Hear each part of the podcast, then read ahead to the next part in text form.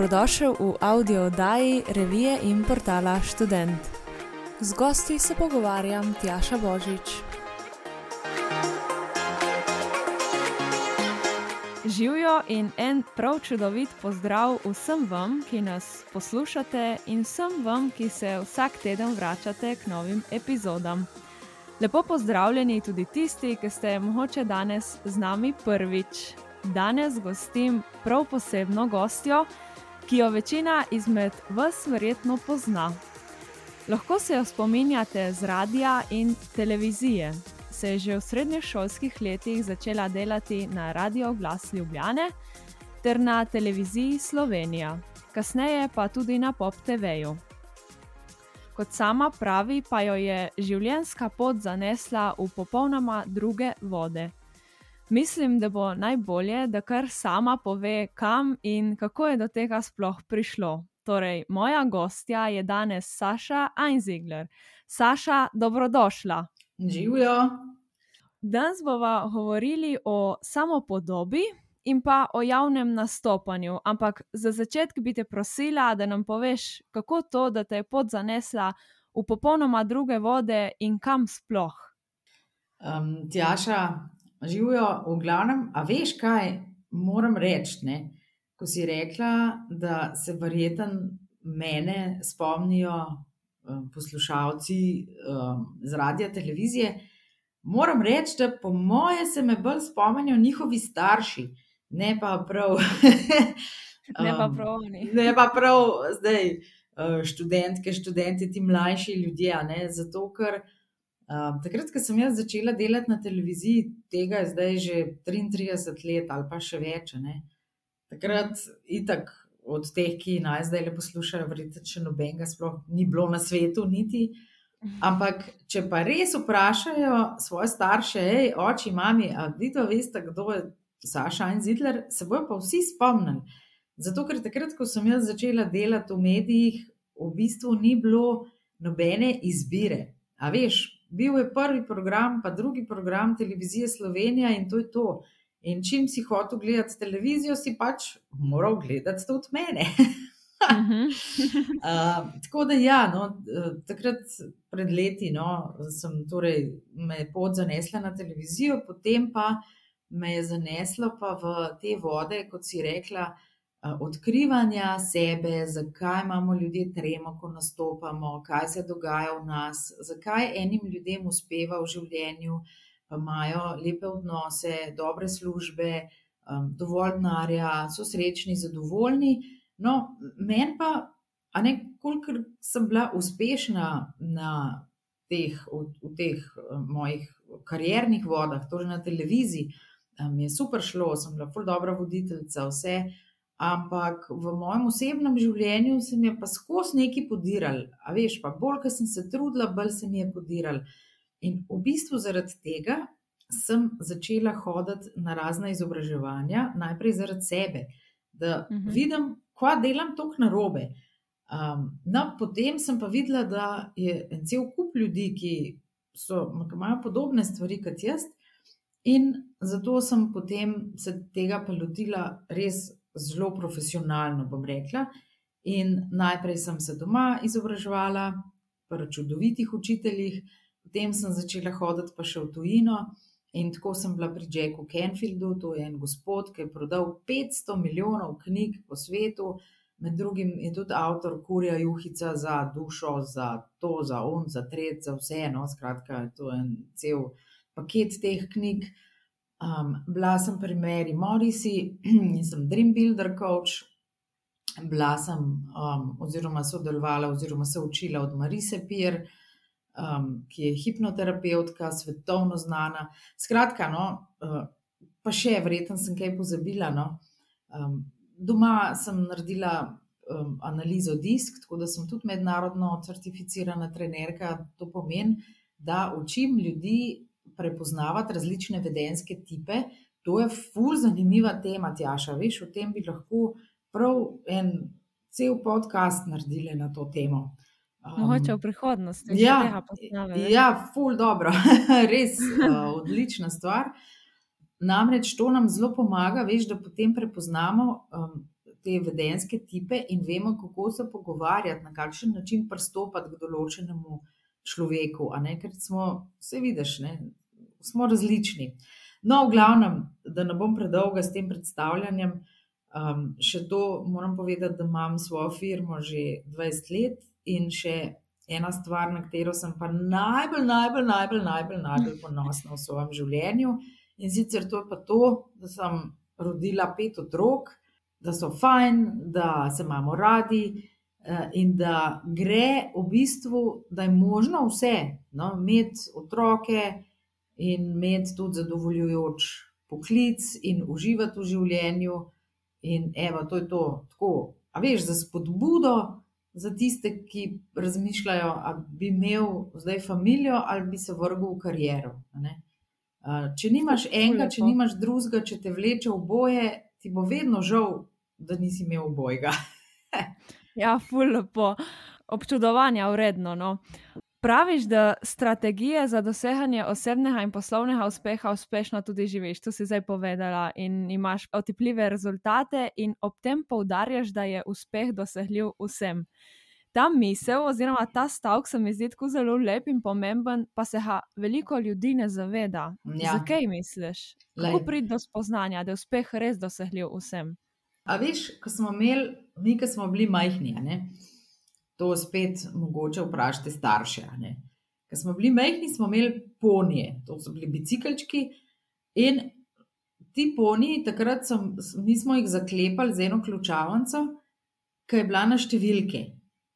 A veš, ne zdaj tako na mhm. ključke, ker zdaj je to lažje, ampak ti si mogel vedeti, poznati številko.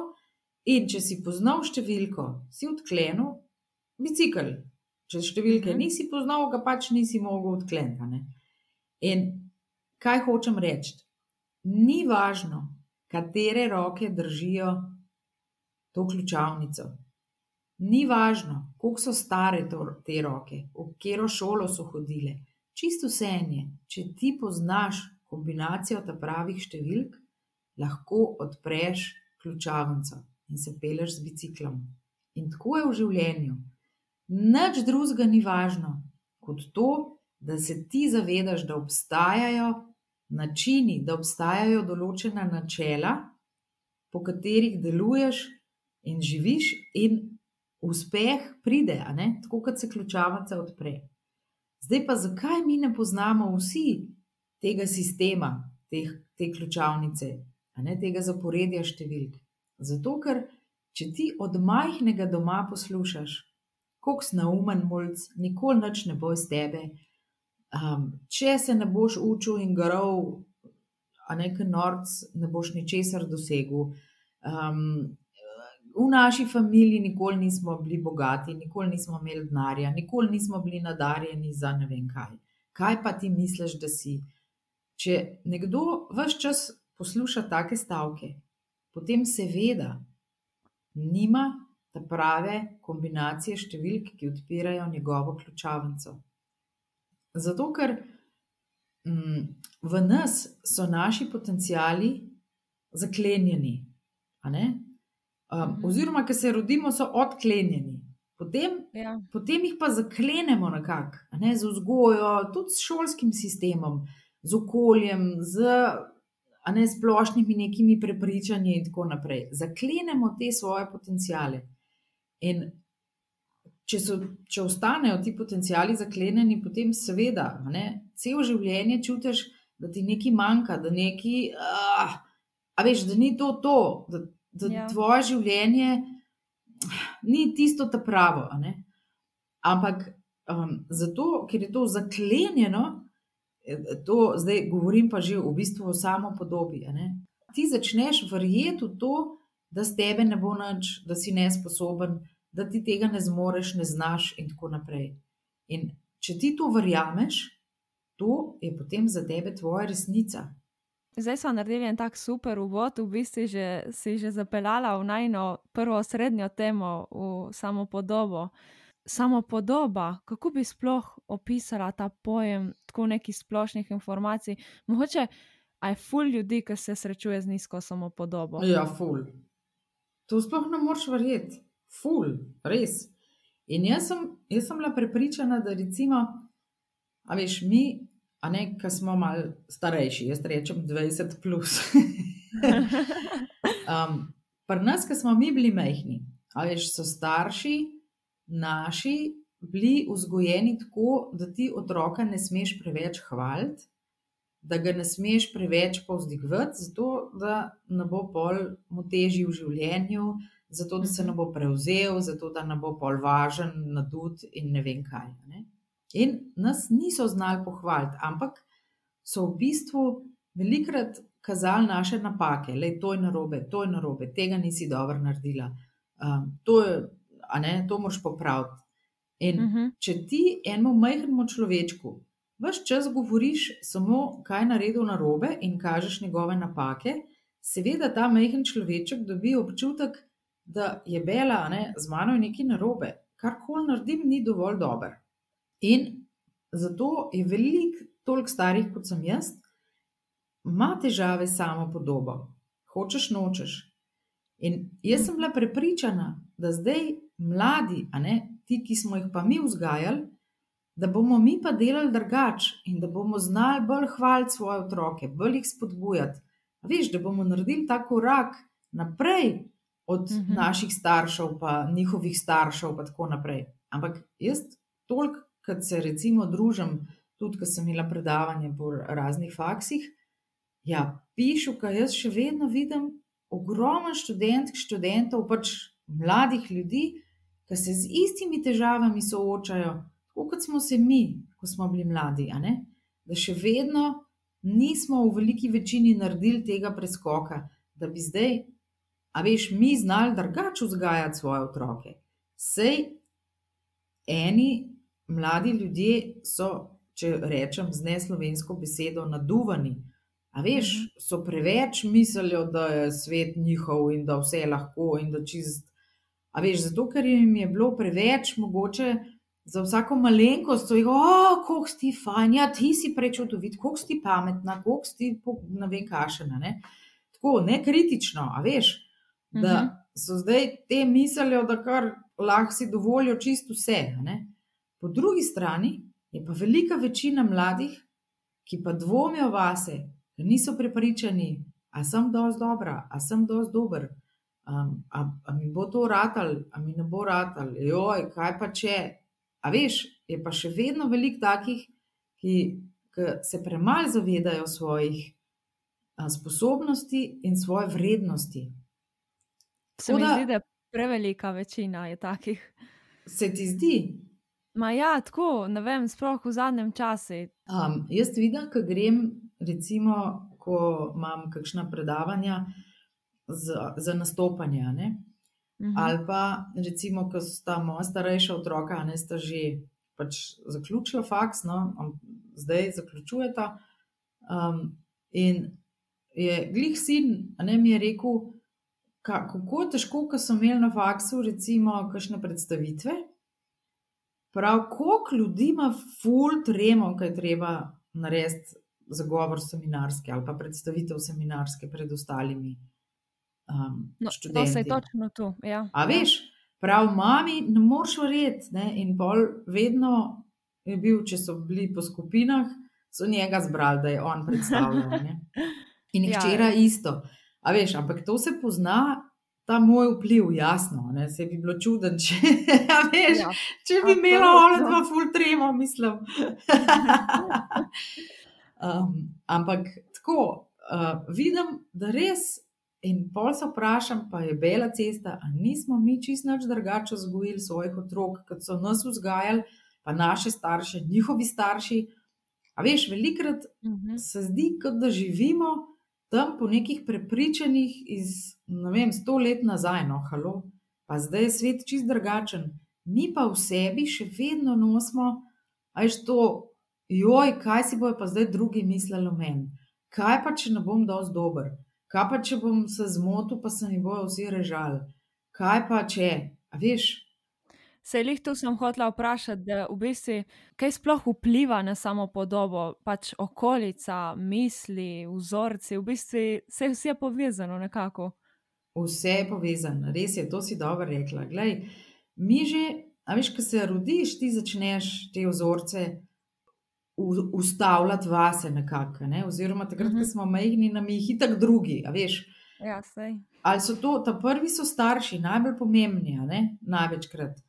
Potem pa ostali pomembni odrasli, kot se reče, ne vem, kakšna učiteljica v šoli, kot je fajn, um, kakšna teta, stric, ki jo tako malo bolj občuduješ, pa prijatelji, pa mediji, pa recimo, mi nismo imeli YouTube, pa veš.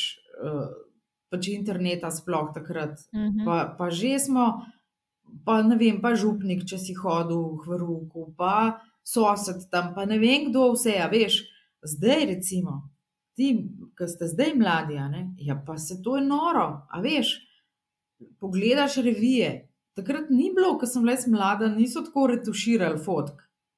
A veš, kaj se je meni enkrat zgodilo, ko sta bila moja starejša otroka mehna to je recimo 20 let nazaj. Uh mhm. -huh. In jaz sem bila na naslovnici ene revije in takrat se je začel, začelo retuširanje fotografij. In jaz sem kupila tisto revijo in je bila revija na mizi. In otroka prideta zraven, vidita to revijo in reče, eden od njih, ne vem točno, le mami, tale ti je pa ful podobna. A veš? Joj kakšen, mislim, in če ti vidiš, recimo, te slavne, ne, influencerje in ne vem koga vse, če jih vidiš, pol v resnici v živo, vidiš, da je to deleč od tistega, kar je na tistih fotografijah, ki jih ti gledaš. Ampak ena mlada punca danes ne ve, da je to. Da je to polovica tega fake, da to ni resničnost. A veš, ampak hkrati pa bolj pogleda sebe v špegu in reče: O, oh, šit, le, jaz sem pa mazolasta, jaz imam pa tle, ne vem, špeh nariti, na stegnu, na ne vem, kje celulit, una nima pa nič. Ja, itak da ima. Itak ja, da ima. Točno to, ne, ja. Mhm. In, a veš, kako se počuti, recimo, en mlad človek, ki gleda vse to, ne, pa, pa vse te make-up, ne vem kaj. A veš, na, na, na YouTubih tudi za te, um, a veš, make-up naredi, ful, lahko tebe drugačnega. In um, tudi večina teh, ki to ni zretuširan, zdaj, ki ni fotografija, ampak so razni filtri, ki si jih daš, ki se snemaš, ali pa pač ta make-up profesionalen. Um, to so stvari, ki drugim pol nabijajo un slab občutek, mater, koliko sem jaz pa šit, a ne v primerjavi z nekom. In ti bilda en tak slab občutek in ti niža samo podobo. In v trenutku, ko se ti primerjaš z nekom, je to napad na tvojo samo podobo. Ampak mi se zelo radi primerjamo. A veš, ker hočeš biti tak, kot nekdo, ki ti je všeč. Hočeš um, biti popoln. ja, in to ne gre. Ne? In potem, seveda, ja. ki ti narata, pol seveda začneš totalno dvomiti vase. Začneš dvomiti v svoje sposobnosti, v to pismo, kaj zdaj z mano, le jaz sem loser. Kako pa pač priti do tega, da izboljšaš svojo samo podobo, oziroma da saj začneš graditi boljšo samo podobo? Verjetno je že prva stvar tu, da se nehamo primerjati z drugimi. Ja, absolutno. S tem, da je to kar težko do nas, veš, ker smo tako bombardirani z vseh strani um, od vseh teh informacij, pa fotografij, pa videov, pa kaj zvem še česa, veš. Um, ampak ta prva stvar je to, da se zavemo, ne, to, da vsak od nas, ampak le tjaša, res vsak od nas je unikaten. Ja, da ga ni tacga, kot sem jaz, in ga ni tacga, kot si ti. -hmm. A veš, in da ti točno taka, kakršna si, ali pa kdorkoli, ki naj zdaj le posluša, je edinstven, unikaten in da ti, mi se sploh ne moramo primerjati. Kako naj se jaz primerjam s tabo ali pa ti z mano? Ne moramo se, zato ker v osnovi je vsaka od naju nekaj posebenega. Mhm. In da se zaveš tega, da lej, jaz sem tak, kot sem. In a veš tudi to, ker tok hočeš, ne, ali pa hočemo slediti, ne vem, pa je neki modern, pa bolj moraš to umeti, ali pa nisi in, ali pa ne vem kva. Mislim, brez veze. Veš, vsak naj, je, je, mislim, se to je težko, ampak um, da začneš čutiti svojo edinstvenost in kako to lahko začneš, tako da recimo vsak dan najdeš ene pet stvari, za katere samega sebe pohvališ. Najdeš pet stvari, za katere opaziš, koliko sem pa to jaz dobro naredil, koliko sem pa to dobro naredila, koliko sem jaz fajn v resnici. Um, da začneš v bistvu ne gledati toliko na vzven druge, koliko so fajn, ampak da istočasno gledaš tudi sebe, koliko sem jaz fajn, Lej, koliko sem pa jaz fajn, mater. Res, da nimam tako popolno stoječe riti, kot ne vem, kje je tam. Ampak jaz sem vsem, full fajn. In da v bistvu gojimo take pozitivne misli v zvezi sami s sabo. A veš, jaz sem nekoč si zapisovala vse misli, ki jih rečem sama sebi. In sem ugotovila, da sama sebe skozi samo kritiziram. Potem sem pa rekla, da je zdaj pa dost. Zdaj se bom začela pa hvaliti. In ko sem spremenila to, te misli sama do sebe, mm -hmm. ker sem si nehala govoriti, pa da je itak mi na vrat, ali pa da je vsi se mi bojo režali, pa vsi bojo videli in veš, ugotovili, da v bistvu sploh nisem tako pametna, pa da nisem sploh ne znam tok, pa ne vem kaj. Ko sem si to nehala govoriti, ko sem se začela spodbujati, pa tudi takrat, kadar mi je šlo kaj narobe, pa sem narobe naredila. A veš, včasih sem se uno, kaj sem naredila, o, nikoli si ne bom odpustila in vsi bojo, a, ne vem kaj. Ne? Ja. Sem si rekla, da se pač zgodi, drugič se bom pa, ne vem, bolj potrudila ali pa bom bolj pozorna, bom bolj pazila in bom poskusila ne ponoviti te napake. Ampak vsi delamo napake, a veš. In ja, ko, ko začnemo na tak način sami s sabo govoriti, jaz doskrat rečem, da je pogovarjati se sama s sabo ali pa sam s sabo, tako kot bi se z najboljšo prijateljico ali pa najboljšim prijateljem. Ker mu tudi ne rečeš, pa, da je ti taka budala, pa kvati ni jasen. Ampak sam sebi pa to doskrat reče, marsikdo. Mm -hmm. A veš, in da to, samo da to nehaš, joj, že, si že pet svetlobnih let napredoval. So že tako drugačni, pozitivni rezultati. Ja. Ampak, ful, pač ful ljudi se odloča, tako, kdaj naj začne. Ne? In sem mal, gledala sem po tvoji spletni strani in te videote in si v enem rekla, vedno je pravi čas. ja, seveda. A veš, da oskrat tako, kar še nareče, ja, zdaj sem pa že tako star zdaj pa kapa mi zdaj nuca. Pa da je nekaj, to sploh ni res. Glej, vsak dan, vsak trenutek svojega življenja, ki ga v bistvu vršimo stran z negativnim razmišljanjem, ga je škoda. Ja, veš, in vsak, pa če tudi če sam tri dni pred smrtjo začneš drugače, pa je boljš, kaj noč, mislim. A veš. Ja, se strinjam prej smo že nekaj omenili, javno nastopanje, tudi s tem se tudi ja. ukvarjaš. Ja. Um, v bistvu je verjetno zelo povezano s samo podobo. Zelo. Ali samo je tam?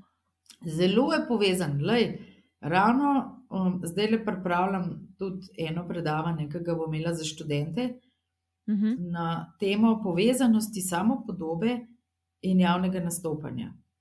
In sem napisala, ne, um, Kdo je dober nastopajoč? Tist, ki si upa govoriti iz srca, tist, ki si upa biti sproščen, tist, ki, a veš, ne razmišlja o tem, a bom vse prav naredil, kam bom dal roke, kam bom gledal, a bom se spomnil vsega teksta. Ne? Tak nastopajoč ni dober. Ne? A veš, dober nastopajoč je tist, ki ne razmišlja o tem, ampak razmišlja o tem, da bo čim bolj jasno, čim bolj fajn povedal to, kar ima zapovedati. Tisti, ki verjame v to, kar govori. Ampak, če pa to želiš doseči, veš, da si ti sproščen, ja, moraš imeti pa dobro samo podobo, da zaupaš vase, v svoje znanje, v svoje sposobnosti. Veš, če si ti poln dvomov in strahov, ne moreš dobro nastopati. Pika. Ja, ker jih tu sem hotela v bistvu vprašati, pojle, ne vem. Um, ampak, ker dost ljudi obstaja, ki so obohateni z znanjem in pač dejansko vejo ogromno stvari, ampak, ko pridejo pred ljudi, zmrznejo, po domače rečeno, in se pač ne čuti več te pristnosti in tega govora iz srca, in zaradi tega tudi vse potem upade. Kako biti bolj prepričljiv in samozavesten? Najprej je pomembno, da si ti dobro pripraviš. A veš, da ne prideš Mhm. kot kufr tja pred ene ljudi, pa se sproti zmišljuješ nekaj, kaj boš govoril, a ne ti se moraš pripraviti. Vedno je priprava izjemnega pomena, ker to ti tudi bilda samozavest. Veš. Mhm. Um, druga izjemno pomembna stvar je ta, da nehaš sam sebi govoriti negativne stvari v zvezi z nastopanjem. Kaj se zgodi? Če jaz sama sebi govorim, da drug teden imam pa ta ustni nastop, ej, crknila bom, to mi je bedno, joj, kva bi naredila, sam da mi to ne bi bilo treba. Če ti to sam sebi govoriš, tvoj um to posluša in tvoj um tebe hoče zaščititi. A veš, te hoče zaščititi in te odvrača od tega, da bi ti sploh šla nastopati. Zato Mhm. se zgodi, da doskrat tako pred kakšnim izpitom ali pa na- nastopom, da ljudje zbolijo. A si to opazila? Zbolijo.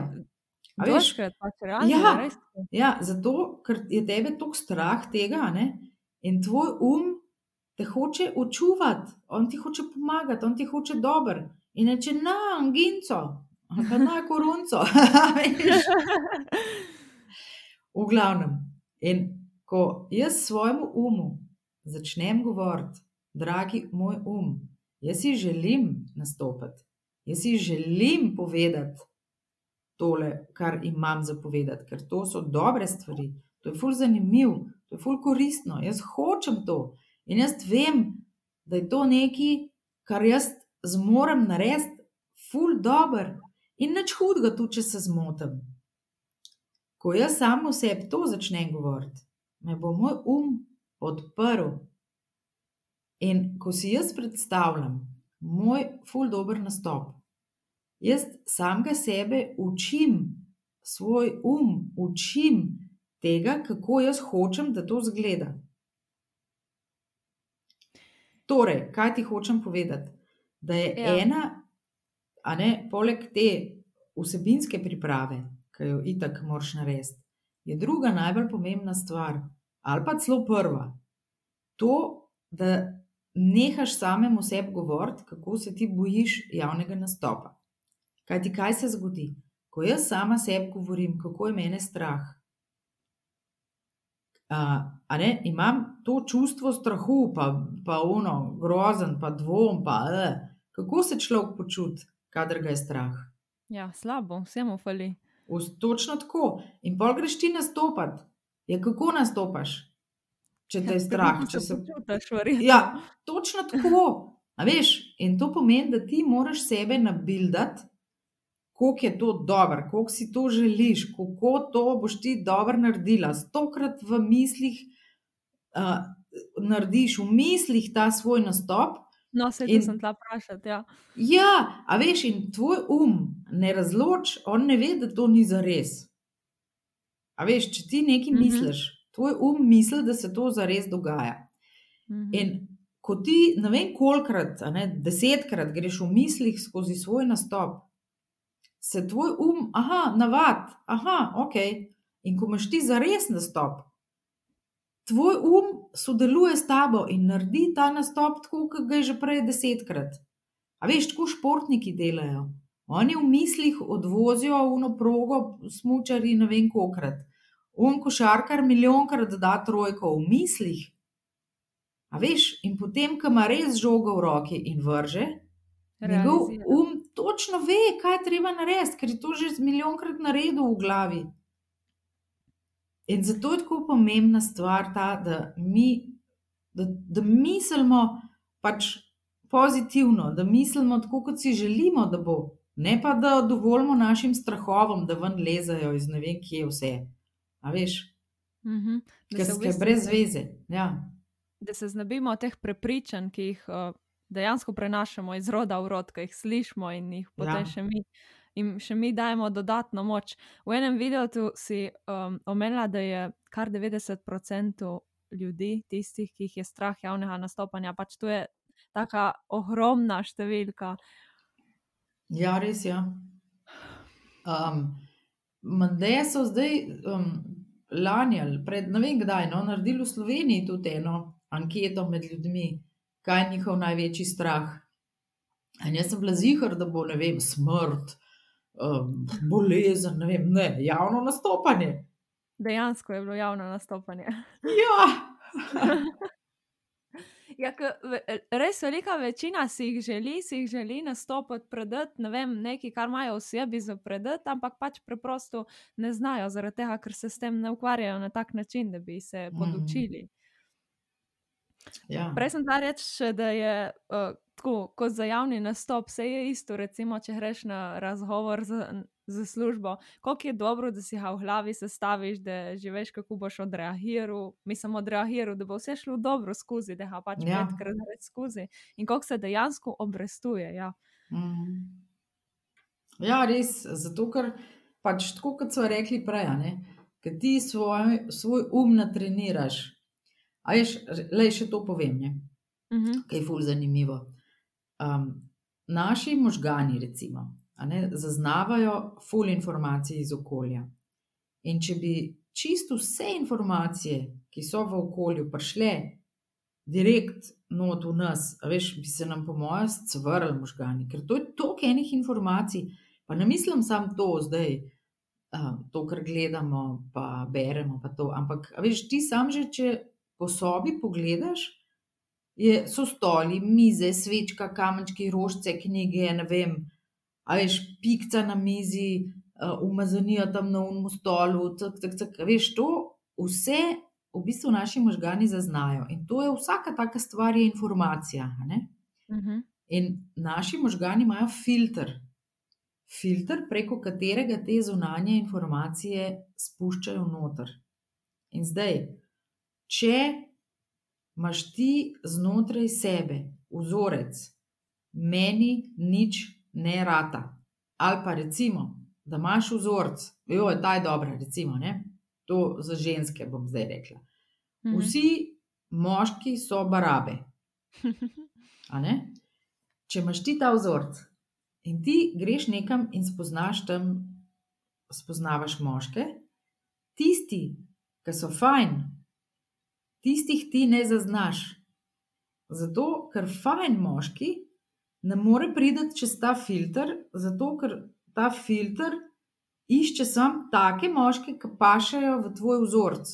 In če je tvoj vzorec, vsi moški so barabe, najdeš in vidiš točno une, ki so barabe. In une Mhm. opaziš. a ne. In oni so ti fajn, zato ker so ti domači, ker ti pašajo v tvoj vzorec. In dokler ti ne spremeniš tega svojega notranjega vzorca, ne moreš videti fajn fantov. A, a razumeš? Ja, razumem. Ja, pač Ja. V bistvu sem, mislim, tako, je najbolj pomembno, da spremenimo najprej komunikacijo sami s sabo, To. da se pol lahko začne spremenjati tudi okrog nas. To, to si pa vrhunsko rekla. Ja. In ta komunikacija, ki jo imamo mi sami s sabo, je v bistvu najbolj pomembna od vseh, ker ta določa, kako bomo mi v bistvu živeli svoje življenje, kaj se nam bo dogajalo, kakšne ljudi bomo spoznavali, koliko bomo uživali v poslu, ali bomo delali to, kar si želimo. Ka, a veš, ka, kakšne ženo, kakšno ženo dobo moža. Vse to je odvisno od te komunikacije, ki jo imam sam s sabo. Imaš mogoče še kakšno tako misel za konec, oziroma spodbudo za vse naše poslušalce, kako naj uh, pridejo do večje samozavesti, boljše samopodobe in tudi s tem boljšega javnega nastopanja. Lej, točno to, kar so rekli. Dajte imeti sebe, a ne toliko radi, recimo. tako starim, kot sem jaz, ki imamo otroke, ali pa za tiste, ki imate otroke, rečem: Mej sebe tokrat, kot imaš svojega otroka. Mhm. Noč bolj, noč manj. Ali pa za tistega, ki nima otrok. Mej sebe rad, toliko, kot imaš rad, unga, ki ga imaš najrajš, mamico, očeta, sestro, brata, prijateljico, prijatelja. A veš? Mhm. In ravnaj s sabo točno tako, kot ravnaš s tistim, ki ga imaš najrajš na svetu. In če boš tako delal, potem bo vse ok. Ker tudi, če bo tvoja najboljša prijateljica naredila za noč nastop in ne boš rekla, rekel, pa da, koliko si bila pa bedna. ej." A ne? Ampak sebi pa to rečemo. In samo to, da začnemo spreminjati počasi, pa bo že šlo. Poleg tega polagam na srce vsem mladim, poslušajte svoje notranje želje. Ne toliko poslušati starše v smislu, jaz že vem, kaj je dobro zate, kaj bi ti študiral, kaj boš ti delal, pa ne vem kaj. Ja, saj, ko si majhen, ne, valjda moraš poslušati starše, pa ne, saj smo odvisni od njih. Dokler, dokler pa ne dosežemo sami že neke zrelosti, a veš, tam, ko si star dvajset, ja, pa valjda boš poslušal sebe, kaj hočeš početi v življenju, kaj se hočeš učiti. Ne, sebe moramo poslušati. Zato, ker noter imamo mi vrhunske kompase, kam se obrniti in kaj delati. Samo treba jih je malo poslušati, pa umiriti se, pa malo manj gledati YouTube, pa Instagram, pa to TikTok, pa ne vem, kaj še vse. Ampak malo več poslušati sebe, pa se mogoče pogovarjati drug z drugim. Tako, v živo. Ja, v Zdaj se ja. spet lahko, ja. Tako da, lej, vsak od nas je unikaten in edinstven, in vsak od nas ima določene darove v sebi. A veš, tisti, ki misli, da nima nič, se moti. Vsi imamo določene darove. In dajmo jih najti in te darove začeti živeti. Pol bomo pa ful srečni. Ful lepo, Saša, jaz sem tako hvaležna, ker si vzela čas in uh, se tako lepo poklepetale. Upam, da smo komu dali kakšen koristen nasvet oziroma spodbudo. Jaz ti želim ogromno uspeha še naprej in uh, hvala. Jaz pa povabim vse tudi še na mojo spletno stran, sasainzidler.js. Tam imam veliko brezplačnih stvari, a, tako kot si ti gledala, ne tudi. Um, Mhm. In tisti, ki se hoče nekaj naučiti, tistemu so danes informacije vse na dlani in se lahko nauči. Tako da to je to. Hvala. Lajkaj, šeraj, komentiraj. In nam povej, kaj bi rad slišal v prihodnih audio oddajah. Ideje lahko najdeš v reviji Student in na spletnem portalu www.student.si.